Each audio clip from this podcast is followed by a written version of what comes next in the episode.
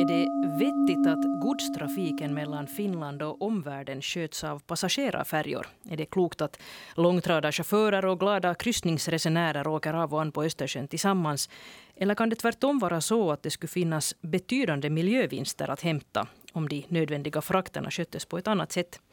Finland är en ö och fullständigt beroende av sina sjötransporter. Men nu skärps miljökraven och framförallt klimatutsläppen måste ner också till sjöss. Vad kan man göra för att göra sjöfarten mer miljövänlig och borde någonting förändras radikalt? Det ska vi fundera på här i Slaget efter tolv idag. Jag heter Maria Nylund. Och med mig för att fundera kring de här sakerna så har jag riksdagsledamot Mats Lövström från Svenska folkpartiet. Hej och välkommen. Tack så mycket. Du representerar också Åland som bekant.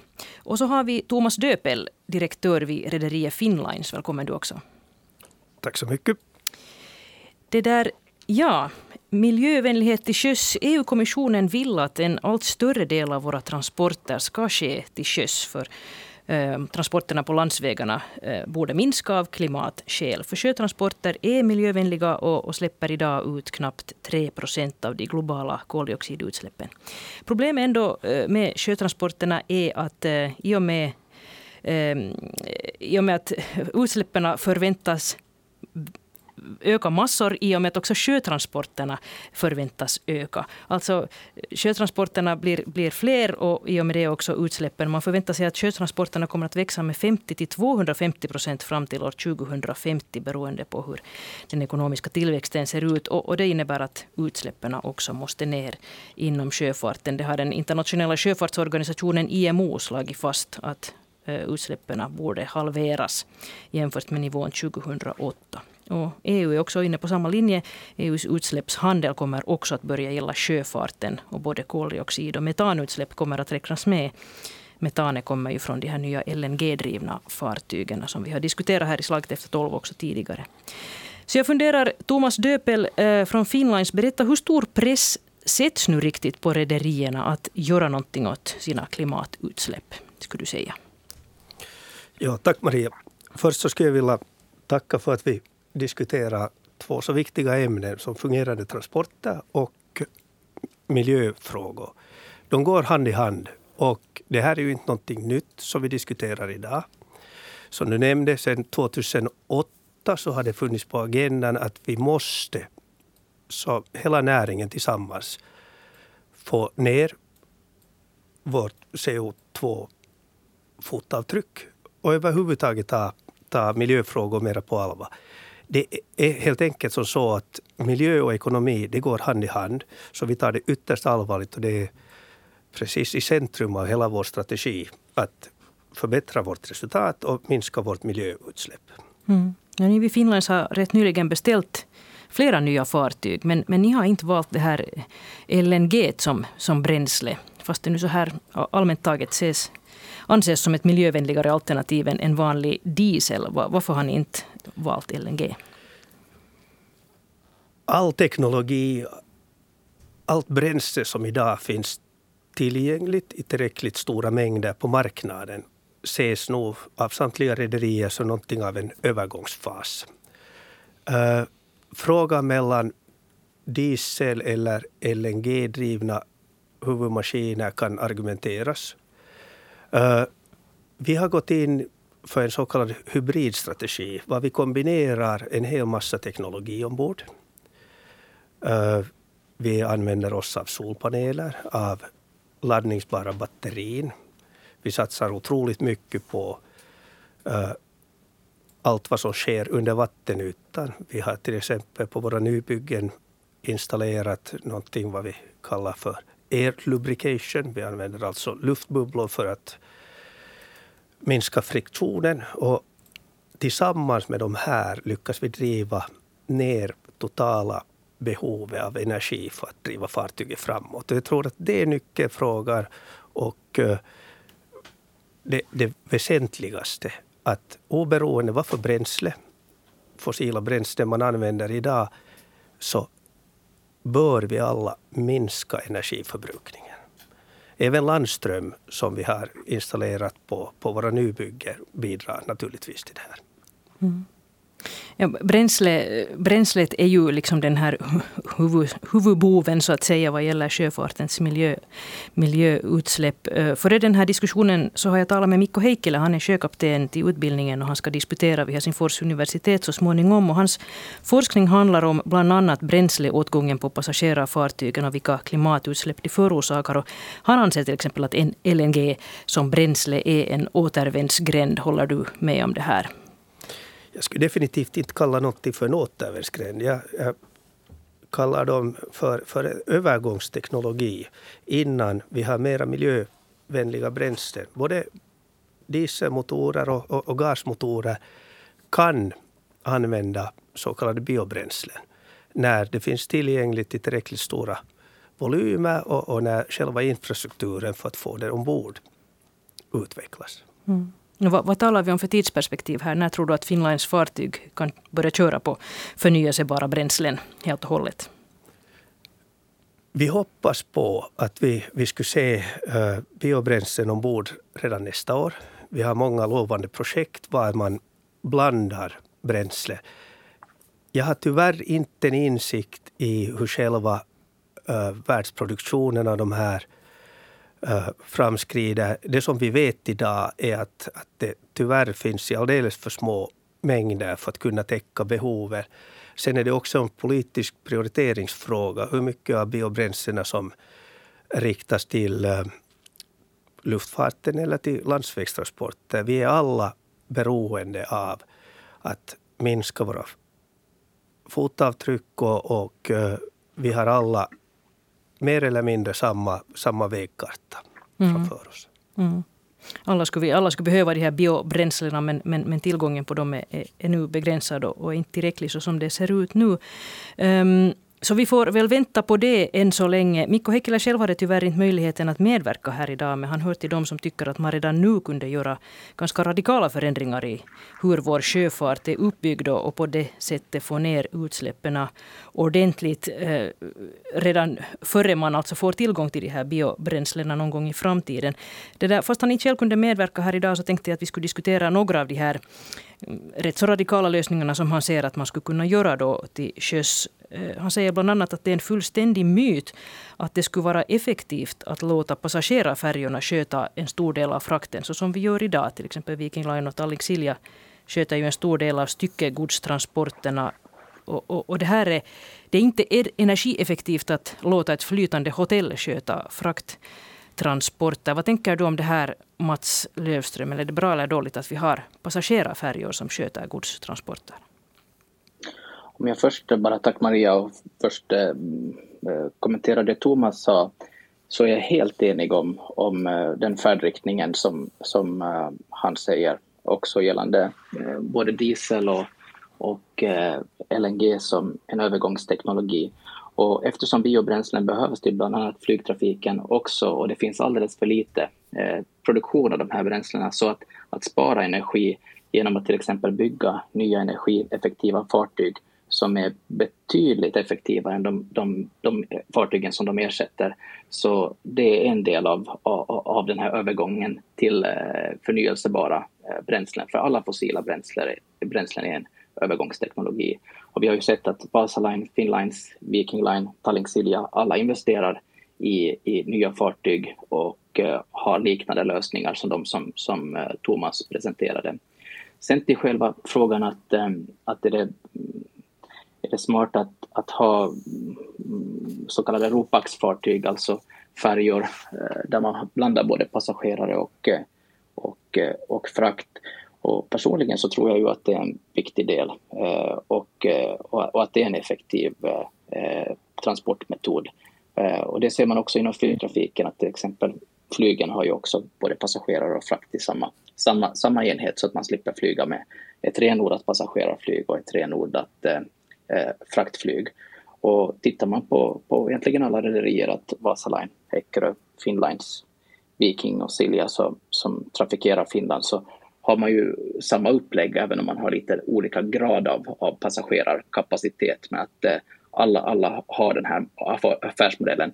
Men det är viktigt att komma ihåg att det här gäller bara en del av, av, av sjöfarten. Att på Östersjön trafikeras ju dagligen 2000 fartyg och bara en liten, liten bråkdel är de här så kallade Ropax-fartygen som har både roll-on och roll-off och, och, och, passagerare. Att den största delen av, av också Finlands export och import så går ju på renodlade lastfartyg eller bulkfartyg eller oljetankers. Så att, eh, att det är den här styckegodsen, livsmedel, paket, eh, läkemedel som går på, på, på färjor eftersom de är beroende av, av tidskänsliga transporter som regelbunden linjetrafik med regelbundna tidtabeller kan erbjuda. Mm.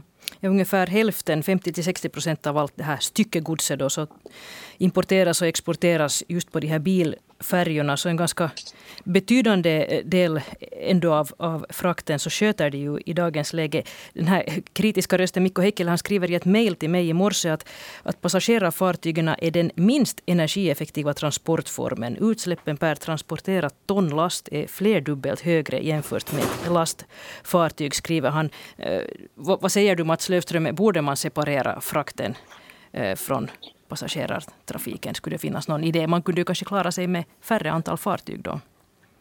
No, det är klart att desto större fartyg, desto mer effektiva får man dem. Och det ser man ju om man ser den oceangående sjöfarten från till exempel Kina till, till Europa, att de fartygen så har blivit helt fruktansvärt enorma och på det viset blir mer effektiva. Men, men, och det är klart att ett passagerarfartyg eller en färja eh, inte blir lika effektivt som att, att flytta gods eh, som eh, ett renodlat lastfartyg. Men, men ett renodlat lastfartyg så har ju inga passagerare och hur ska du då ordna den nödvändiga passagerartransporten som ju finns, både ruttresenärer och eh, andra resenärer som behöver resa. Att, att det måste ju också tillgodoses. Att det är klart också att, att med flygfrakt så skulle det bli mycket effektivare om flygplan som DHL eller UPS har skulle sköta allt det istället för att det skulle flyga i Finners eh, liksom, eh, belly i, un, under passagerarstolarna. Men eftersom de där passagerarna ändå behöver resa någonstans så är det effektivt att kombinera de här, eh, de här verksamheterna på det sättet som till exempel Finnlines Viking eh, och Silja gör. Ja, ni vid Finlands Thomas Döpel, ni har, ni har kritiserat det här systemet med att frakta gods på passagerarfartyg. Berätta, hur tänker ni vid Finlands? Tack Marie. Här, här skulle jag vilja korrigera lite. Om, om budskapet har uppfattats som att vi kritiserar den här modellen så, så är det helt fel. Eh, Mats lyfte en viktig fråga. Vi, vi använder ibland facktermer. Vi talar om Ropax. En färja, eh, officiellt kallas det, det Ropax, betyder att, att man får transportera mer än 12 passagerare eller chaufförer ombord. Och, och en stor del av vår trafik är faktiskt, kanske vi kan kalla det färjetrafik. Uh, olika rederier har olika balans mellan kapaciteten på, på frakt eller bildäck och uh, på passagerarsidan. I, idag, det, det är få som känner till, men, men våra färjor som går från från Nådendal via Åland till, till Kapellskär som ligger en timme utanför Stockholm kan, kan redan idag ta 550 passagerare plus deras bilar.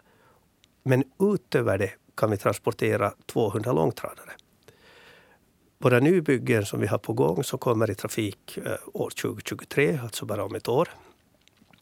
De kommer att kunna ta upp till 1000 passagerare en del är nyttopassagerare, en del är chaufförer. Men alla ryms med. Så jag, jag håller med Mats om att, att äh, det finns ett behov av att både kunna transportera frakt och passagerare. Och att kombinera de två modellerna är inte alldeles dödsfött eller så svart och vitt som, som Mikko kanske här har, har tolkat det. Sen är frågan vilken balans och vilken affärsmodell man själv tror på. Hurdan allokering man har mellan, mellan passagerarservicen och, och frakttrafiken. Uh, så att jag, jag, hoppas att det här korrigeras. Det som vi har lyft kritisk röst till är att, att speciellt nu under pandemin så uh, omformades trafiken när passagerartrafiken blev avhuggen på grund av statliga beslut så, så var det klart att de som hade affärsmodellen som baserar sig på passagerartrafik i första hand eller ombordförsäljning fick det knepigt. Och, och det har vi en stor förståelse för. Uh, men att man samtidigt med de ambitioner man har med, med miljökrav och, och, och den utvecklingen samtidigt går in och stöder en ansenlig mängd färjor med en ansenlig summa pengar för att hålla igång det med motivering att den behövs för frakttransporten. Det var där vi höjde en kritisk röst. För det stör marknaden. En av våra färjor idag på rutten, som jag beskrev, mellan Finland och Sverige, tar 200 långtradare. Det motsvarar i princip samma kapacitet som de fyra färjorna som Viking och, och, och Silja har och trafikerar på Åbo tillsammans. Och vi har två avgångar per, per dag. Och vi hade och har än idag kapacitet över som skulle räcka. Så vi såg det som en marknadsstörning och då, då eh, lyfte vi en kritisk röst till det. Men vi har en förståelse om det knepiga läget med, med pandemin och vi är mycket glada att den håller på att lätta. Och vi ser ju nu att Viking Glory har ju vissa fantastiska passagerarsiffror så det finns ett behov av att resa. Mm. Det är helt klart. Men det som du beskrev, du beskrev alltså det här i en artikel som publicerades här i en, en, eh, en tidning som, som ges ut av Åbo universitet. Och, och, där beskrev du just det här att, att de fyra passagerarfärjor nu som under pandemin fick sköta frakten, så, så ni kunde ha skött det med ett enda fartyg och med 80 procent mindre utsläpp. Och det här gäller väl kanske fortsättningsvis då att frakten kunde skötas effektivare av av ett enda fartyg och 80 procent mindre utsläpp? Eller, eller tolkar jag det här nu fel, Thomas Döbel? Ja, tack. Under pandemin var, var passagerartrafiken i princip var, var fullständigt stoppad av statliga beslut. Så, så ansåg vi att, att vi skulle kunna sköta de nödvändiga transporter, både, både av, av kritisk personal som, som behövde resa. Som sagt har vi en, en, en hög passagerarkapacitet. Över tusen passagerare kan vi per dag i vardera riktningen transportera. Och vi har en stor kapacitet på bildäck. Så den balans eller utnyttjandegrad som passagerarutrymmena hade under de månader som statliga stöd delades ut för att säkerställa en tillräcklig kapacitet äh, var eventuellt lite snedriktad och den kan översättas också till, till äh, CO2-utsläpp eller, eller andra mätare. Mm. Så ni tycker båda att, att det är fortsättningsvis äh, motiverat att, att, ta det här systemet som vi har, alltså att passagerarfartyg då sköter en stor del av, av godstrafiken och, och just för att också passagerare ska kunna då ta sig eh, mellan Sverige och Finland och framförallt Åland. För, för det där, Maria, får, jo, får jag bara absolut. kommentera att, att, när det säger liksom en stor del av godstrafiken så det gäller en stor del av, av styckegodstrafiken. Mm. Men, men annan godstrafik, jag menar det finns massor av annan gods som, jag menar 90 procent av Finlands export och 80 procent av importen går till sjöss. Men den största delen av volymerna så går på renodlade lastfartyg, eh, bulkfartyg, eh, tankers, kemikalietankers, råoljetankers, eh, containerfartyg. Att, att den stora procenten av alla, av alla volymer som går på den typens fartyg. Eh, det här segment, segmentet, alltså linjetrafik som, som Finnlines Viking, Silja, Eckerö, Vasaline eh, bedriver, det är en nisch och det är en nisch som passar för styckegods. Men, men inte kör du, kör du bulkvaror på det. Så att det gäller att komma ihåg att, att det är ingen helig graal att även om du, alla ska bidra till att minska utsläppen och jag tycker våra passagerarrederier med, med, med Finnlines, Viking och Vasaline och Tallink Silja som har byggt nya fartyg som är otroligt mycket mer energieffektiva än de fartygen som de ersätter de, är, de håller på att adressera de här problemen. Men det är viktigt att komma ihåg att det finns 2000 andra fartyg på Östersjön varje dag än de här färjorna. Mm. Men vi ska prata om de här passagerarna och, och vad det betyder för Åland. För, um, om man tänker nu på, på sådana konkreta förslag som då den här eh, kritiska rösten Mikko Heikkilä föreslår att man skulle kunna göra för att få ner de här utsläppen inom sjöfarten idag. Så konstaterar han att Åbolinjen är jättesvår att åtgärda. Det finns egentligen ingenting annat att göra där än att skippa Åland, säger han. Eh, och det där, eh, passagerarfartygen är ju självklart särskilt viktiga för just Åland och ålänningarna som är förbindelse då till Finland och Sverige. Men, men han, han är faktiskt jättekritisk till den här, all den här trafiken som idag sker via Åland. Och han menar att här skulle finnas betydande miljövinster om man skulle minska på trafiken till, till Åland. Vad, vad säger du om det här, Mats Löfström? Man blir lite ledsen att höra den argumentationen. för det är klart att Åland också måste ha trafik, att det är, en, det är en ö. Och Finland är också en ö. På samma sätt måste vi ha flygtrafik. Att bor du i Tyskland till exempel så då kan du sätta dig på ett tåg någonstans för att sköta ett affärsmöte. Men kommer man från Finland så måste man flyga ner ett par timmar till kontinenten för att sköta det. Att, att Finlands geografiska läge är tyvärr inte lika attraktivt och ur ett ekonomiskt perspektiv eh, som till exempel Holland eller Tyskland. Och på samma sätt så är det med Åland i den här helheten, att Åland är en ö som är isolerad eh, och därför behöver ha eh, trafik för att man ska kunna resa därifrån eller komma tillbaka precis på samma sätt som alla andra orter i Finland. Och om inte fartygen skulle få ta i land på Åland eller skulle köra förbi, att hur skulle man då sköta den där trafiken? Ett kon konkret exempel är att jag själv kom till riksdagen från Mariehamn i, i måndags och, och, det var 320 bilar som rullade på på ett av rederiernas fartyg och, och 200 på ett, på, ett, på ett annat fartyg som skulle till, till, eh, till, eh, till Stockholm. Alltså volymerna och behovet att, att resa i samband med påsk för att träffa familj, eh, släkt, eh, åka på arbete som i mitt fall att det finns ju också från Åland så att jag vet inte riktigt hur jag annars ska ta mig till, till riksdagen med tanke på att, att finnar bara flyger två gånger per vecka mellan, mellan Mariehamn och Helsingfors. Att, att färjorna är min livlina. Mm. Det att man skulle skippa eh, att ta i land i Mariehamn eh, på till exempel linjen Helsingfors-Stockholm skulle skulle kunna medföra en bränsleminskning på 30 procent. Det är ju ganska mycket och på Åbolinjen skulle det eh, minska med 17 procent för Viking Grace om man då lät bli att ta i land i, i Mariehamn. Och frågan är väl kanske att, att, att, behöver alla de här fartygen som, som tar i land varje dag, behövs de alla. 22 fartygsavgångar per, per dygn har vi här med Mats räknat ut att, att det är. Eh, behöver Åland med sina 30 000 invånare så här många fartygsavgångar? Svaret på den frågan är säkert att ibland behövs de där avgångarna. Som till exempel nu under påsken så var, var säkert de flesta färjorna var, var helt fullbokade, nästan alla avgångar. Eh, och, och, vissa turer är helt fullbokade där det kan vara svårt att få plats.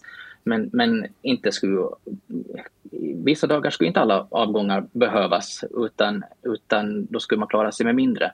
Men det, problemet är när bokningsläget fluktuerar över säsong och under vissa veckodagar att det inte alltid finns plats. Att skulle du kunna garantera att det alltid finns plats Eh, så skulle man säkert kunna klara sig med, med färre, färre avgångar i sig. Men, men eh, samtidigt måste vi komma ihåg att vi har en fri marknad eh, och en marknadsekonomi där vi har många rederier som trafikerar mellan Finland och Sverige och via Åland.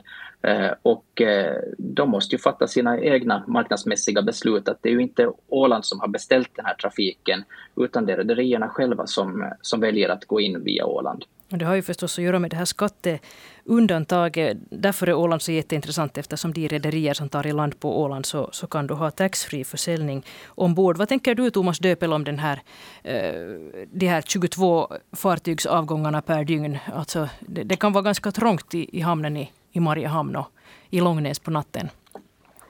Vi har inte mycket erfarenhet av, av anlöp till Mariehamn. Vi gjorde något testanlöp förra sommaren för att ha en, en, en reservhamn om det skulle bli en störning med Långnäs. Men jag tycker att Mats eh, understryker något som är mycket viktigt och det är att, att det är marknaden som egentligen sköter det. Och, och att se taxfree-undantaget som något fullständigt negativt så, så tycker jag att det är en simplifierad sanning. Uh, vi kan enkelt jämföra med Gotlandstrafiken. Där sker ju en statlig upphandling på grund av att de måste säkerställa transporterna året om. Det som det har påvisat när man, när man har gjort det den här vägen är att, att den har kanske lättare anpassats enligt behovssäsongerna. Eh, det är betydligt mer avgångar, nästan lika mycket som, som Åland faktiskt under sommarmånaderna. Medan man under tystare vintermånader så, så har, har färre anlöp. Så att vår starka ståndpunkt är att, att, att man borde låta marknaden fungera. det finns andra lösningar också hur du kan få ner bränsleförbrukningen. Det är ju inte någonting revolutionerande Mikko har tagit fram. Han har räknat på hastigheter och, och så är det. Uh, tyvärr växer bränsleförbrukningen exponentiellt om man kör hårt. Så genom att sänka hastigheter får man betydliga inbesparingar. Vi har, vi har bestämt att vi har anpassat vår tidtabell för att kunna köra med en, med en, med en lämplig hastighet som gör att, att våra fartyg konsumerar betydligt mindre än, än vid högre hastigheter. Vi har också valt att anlöpa Långnäs som ligger precis bredvid, bredvid Rutte. Så vi sparar nästan en timme i jämförelse mot att vi skulle anlöpa Mariehamn. Uh, samtidigt är största delen av våra passagerare idag ännu bilburna. Vilket betyder att det, det, är mindre viktigt kanske för dem om man anlöper mitt i Mariehamns centrum eller, eller Långnäs så ligger ungefär 20 minuters körväg utanför. Uh, framtiden får utvisa om det blir med, med, med våra nybyggen så mycket fotpassagerare också att det, det finns en anledning att, att helt enkelt våra kunder röstar för att vi skulle gå till Mariehamn istället inga konkreta planer på det är ännu satt. Men, men han lyfter fram en, en, en, fråga som har varit länge på bordet och det är att, att genom att anpassa farten så kan man sänka energiförbrukningen. Och energiförbrukningen korrelerar helt med, med ett rederis resultat.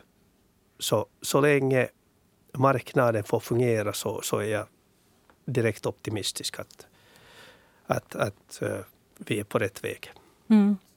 Men finns det ett verkligt sånt här transportbehov, skulle du säga, Mats Löfström? Och du pratar en här om påsktrafiken, att då krävdes det mycket kapacitet. Men annars så fylls ju de här passagerarfärjorna ganska mycket av till exempel de här picknickresenärerna som stiger i land i Mariehamn och så åker de tillbaka till Åbo till exempel. Eller, eller sen då kryssar ända till Stockholm. Eh, så eh, är det så att du, du skjuter helt och hållet ner den här Mikko Heikkilers tanke om att, att, att, att det där att det kunde skötas effektivare. Man kanske kunde minska på fartygstrafiken mm, helt och hållet genom att just separera passagerare och, och frakt. Jag, jag, vet inte bara hur, det, hur man skulle göra, göra det, eller liksom hur mycket, skulle, vilka instrument och incitament han skulle ha för att göra det. Jag förstår liksom orsaken till det och jag tror att vi allihopa är eniga att vi behöver få bort eh, utsläppen från sjöfarten. Sjöfarten är på god väg, man har väldigt ambitiösa målsättningar ta konkreta steg för att göra det genom att byta bränslen, eh, genom att eh, också förnya fartygen. Till exempel Vasalines nybygge och Aurora Botnia och sen eh, nu Viking Glory.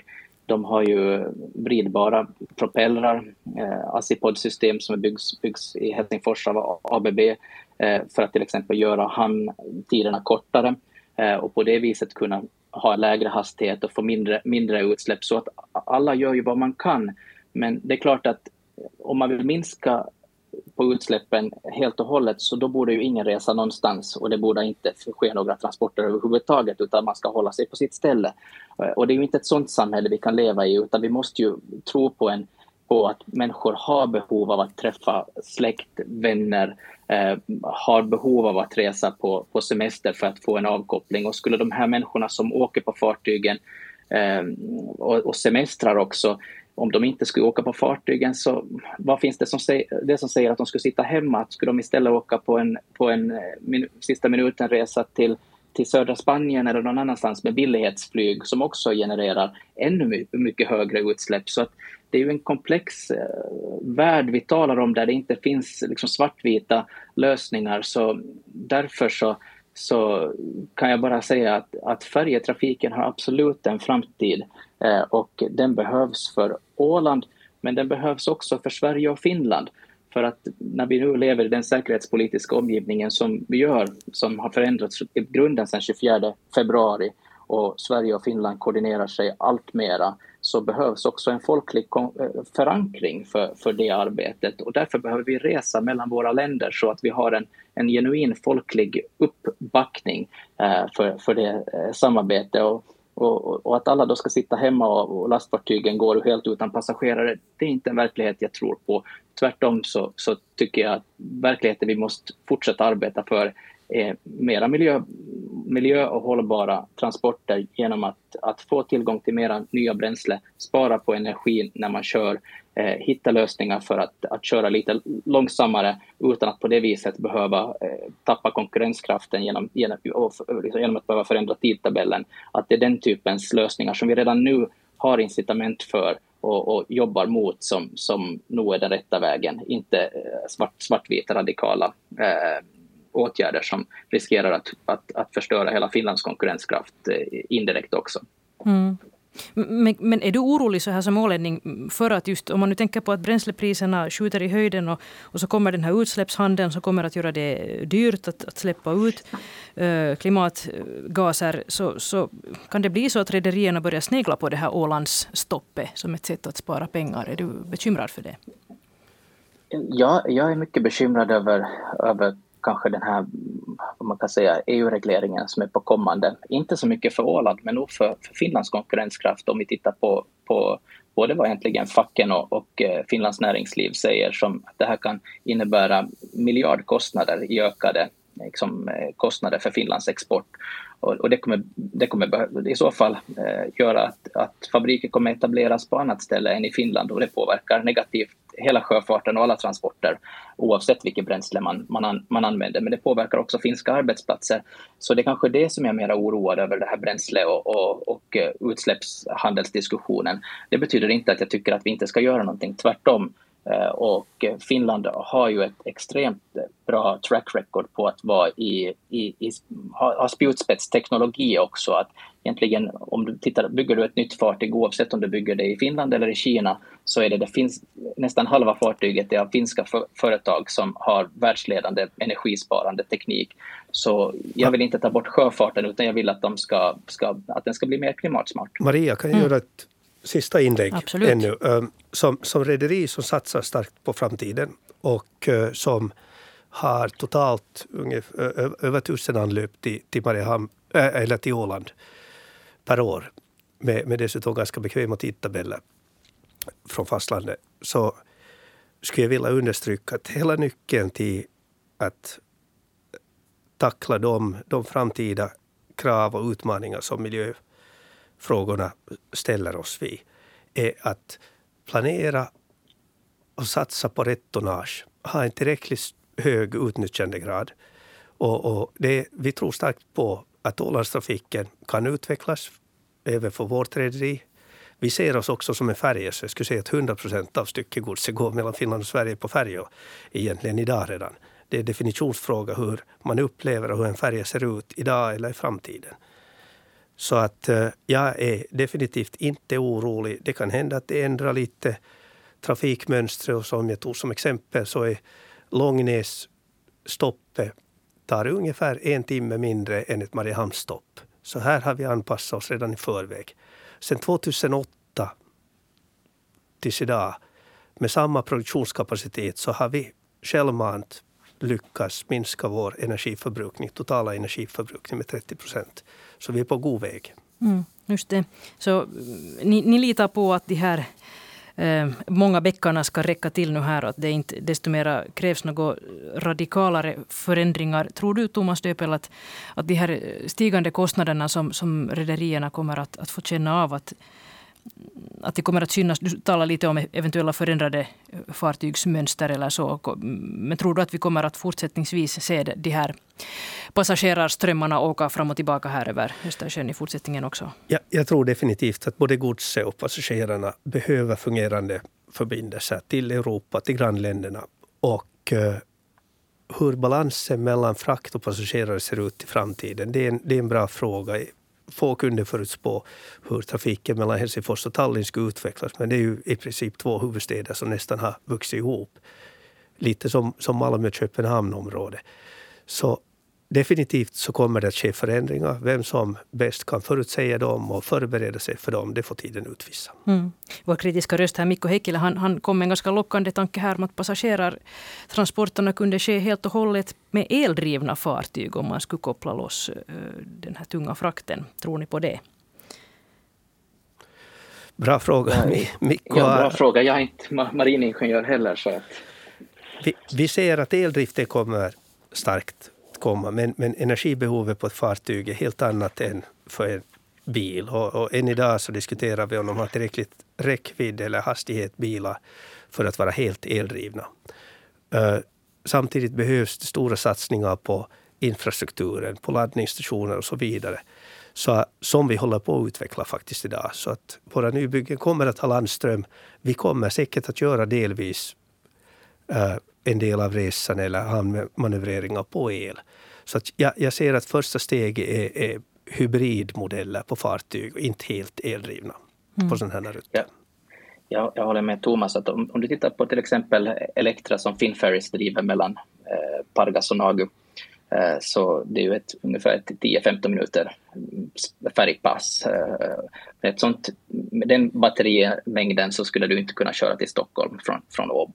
Eh, utan det krävs mycket mera batterier och den teknologin finns inte eh, nu att göra hela det. Och dessutom är det ett fartyg som inte skulle vara sjösäkert att köra hela vägen till Stockholm i alla, alla väder som befintliga eh, fartyg. Men precis som Thomas säger, den här hybridlösningen är väldigt intressant att framförallt när det gäller den där toppeffekten som vi var inne på tidigare, att, att Eh, Eh, alla vet som har egen båt att ska du ha det där sista knopet ut så bränsleökningen eh, ökar väldigt kraftigt då. Eh, och kan man då använda sig av, av batterier till exempel så är det en bra nytta. Mm. Eh, en, en, bara en, en, eh, notera här att, att faktiskt skulle man förlänga restiden med en halvtimme mellan Helsingfors och Tallinn till exempel mm, gällande de här snabba, snabba turerna så skulle man kunna halvera bränsleåtgången. Att så stor effekt har den där, det där sista de där högsta hastigheterna så att säga äter en, en massa, massa bränsle. No, men vi får följa med vad, eh, vilka effekter den här utsläppshandeln kommer att ha på sjöfarten och, och hur, hur bränslena utvecklar sig. Vi avslutar dagens Slaget efter tolv här. Tusen tack till dig Thomas Döpel som är direktör vid Finnlines och Mats Lövström från Riksdagen från Svenska folkpartiet och representerar också Åland. Jag heter Maria Nylund.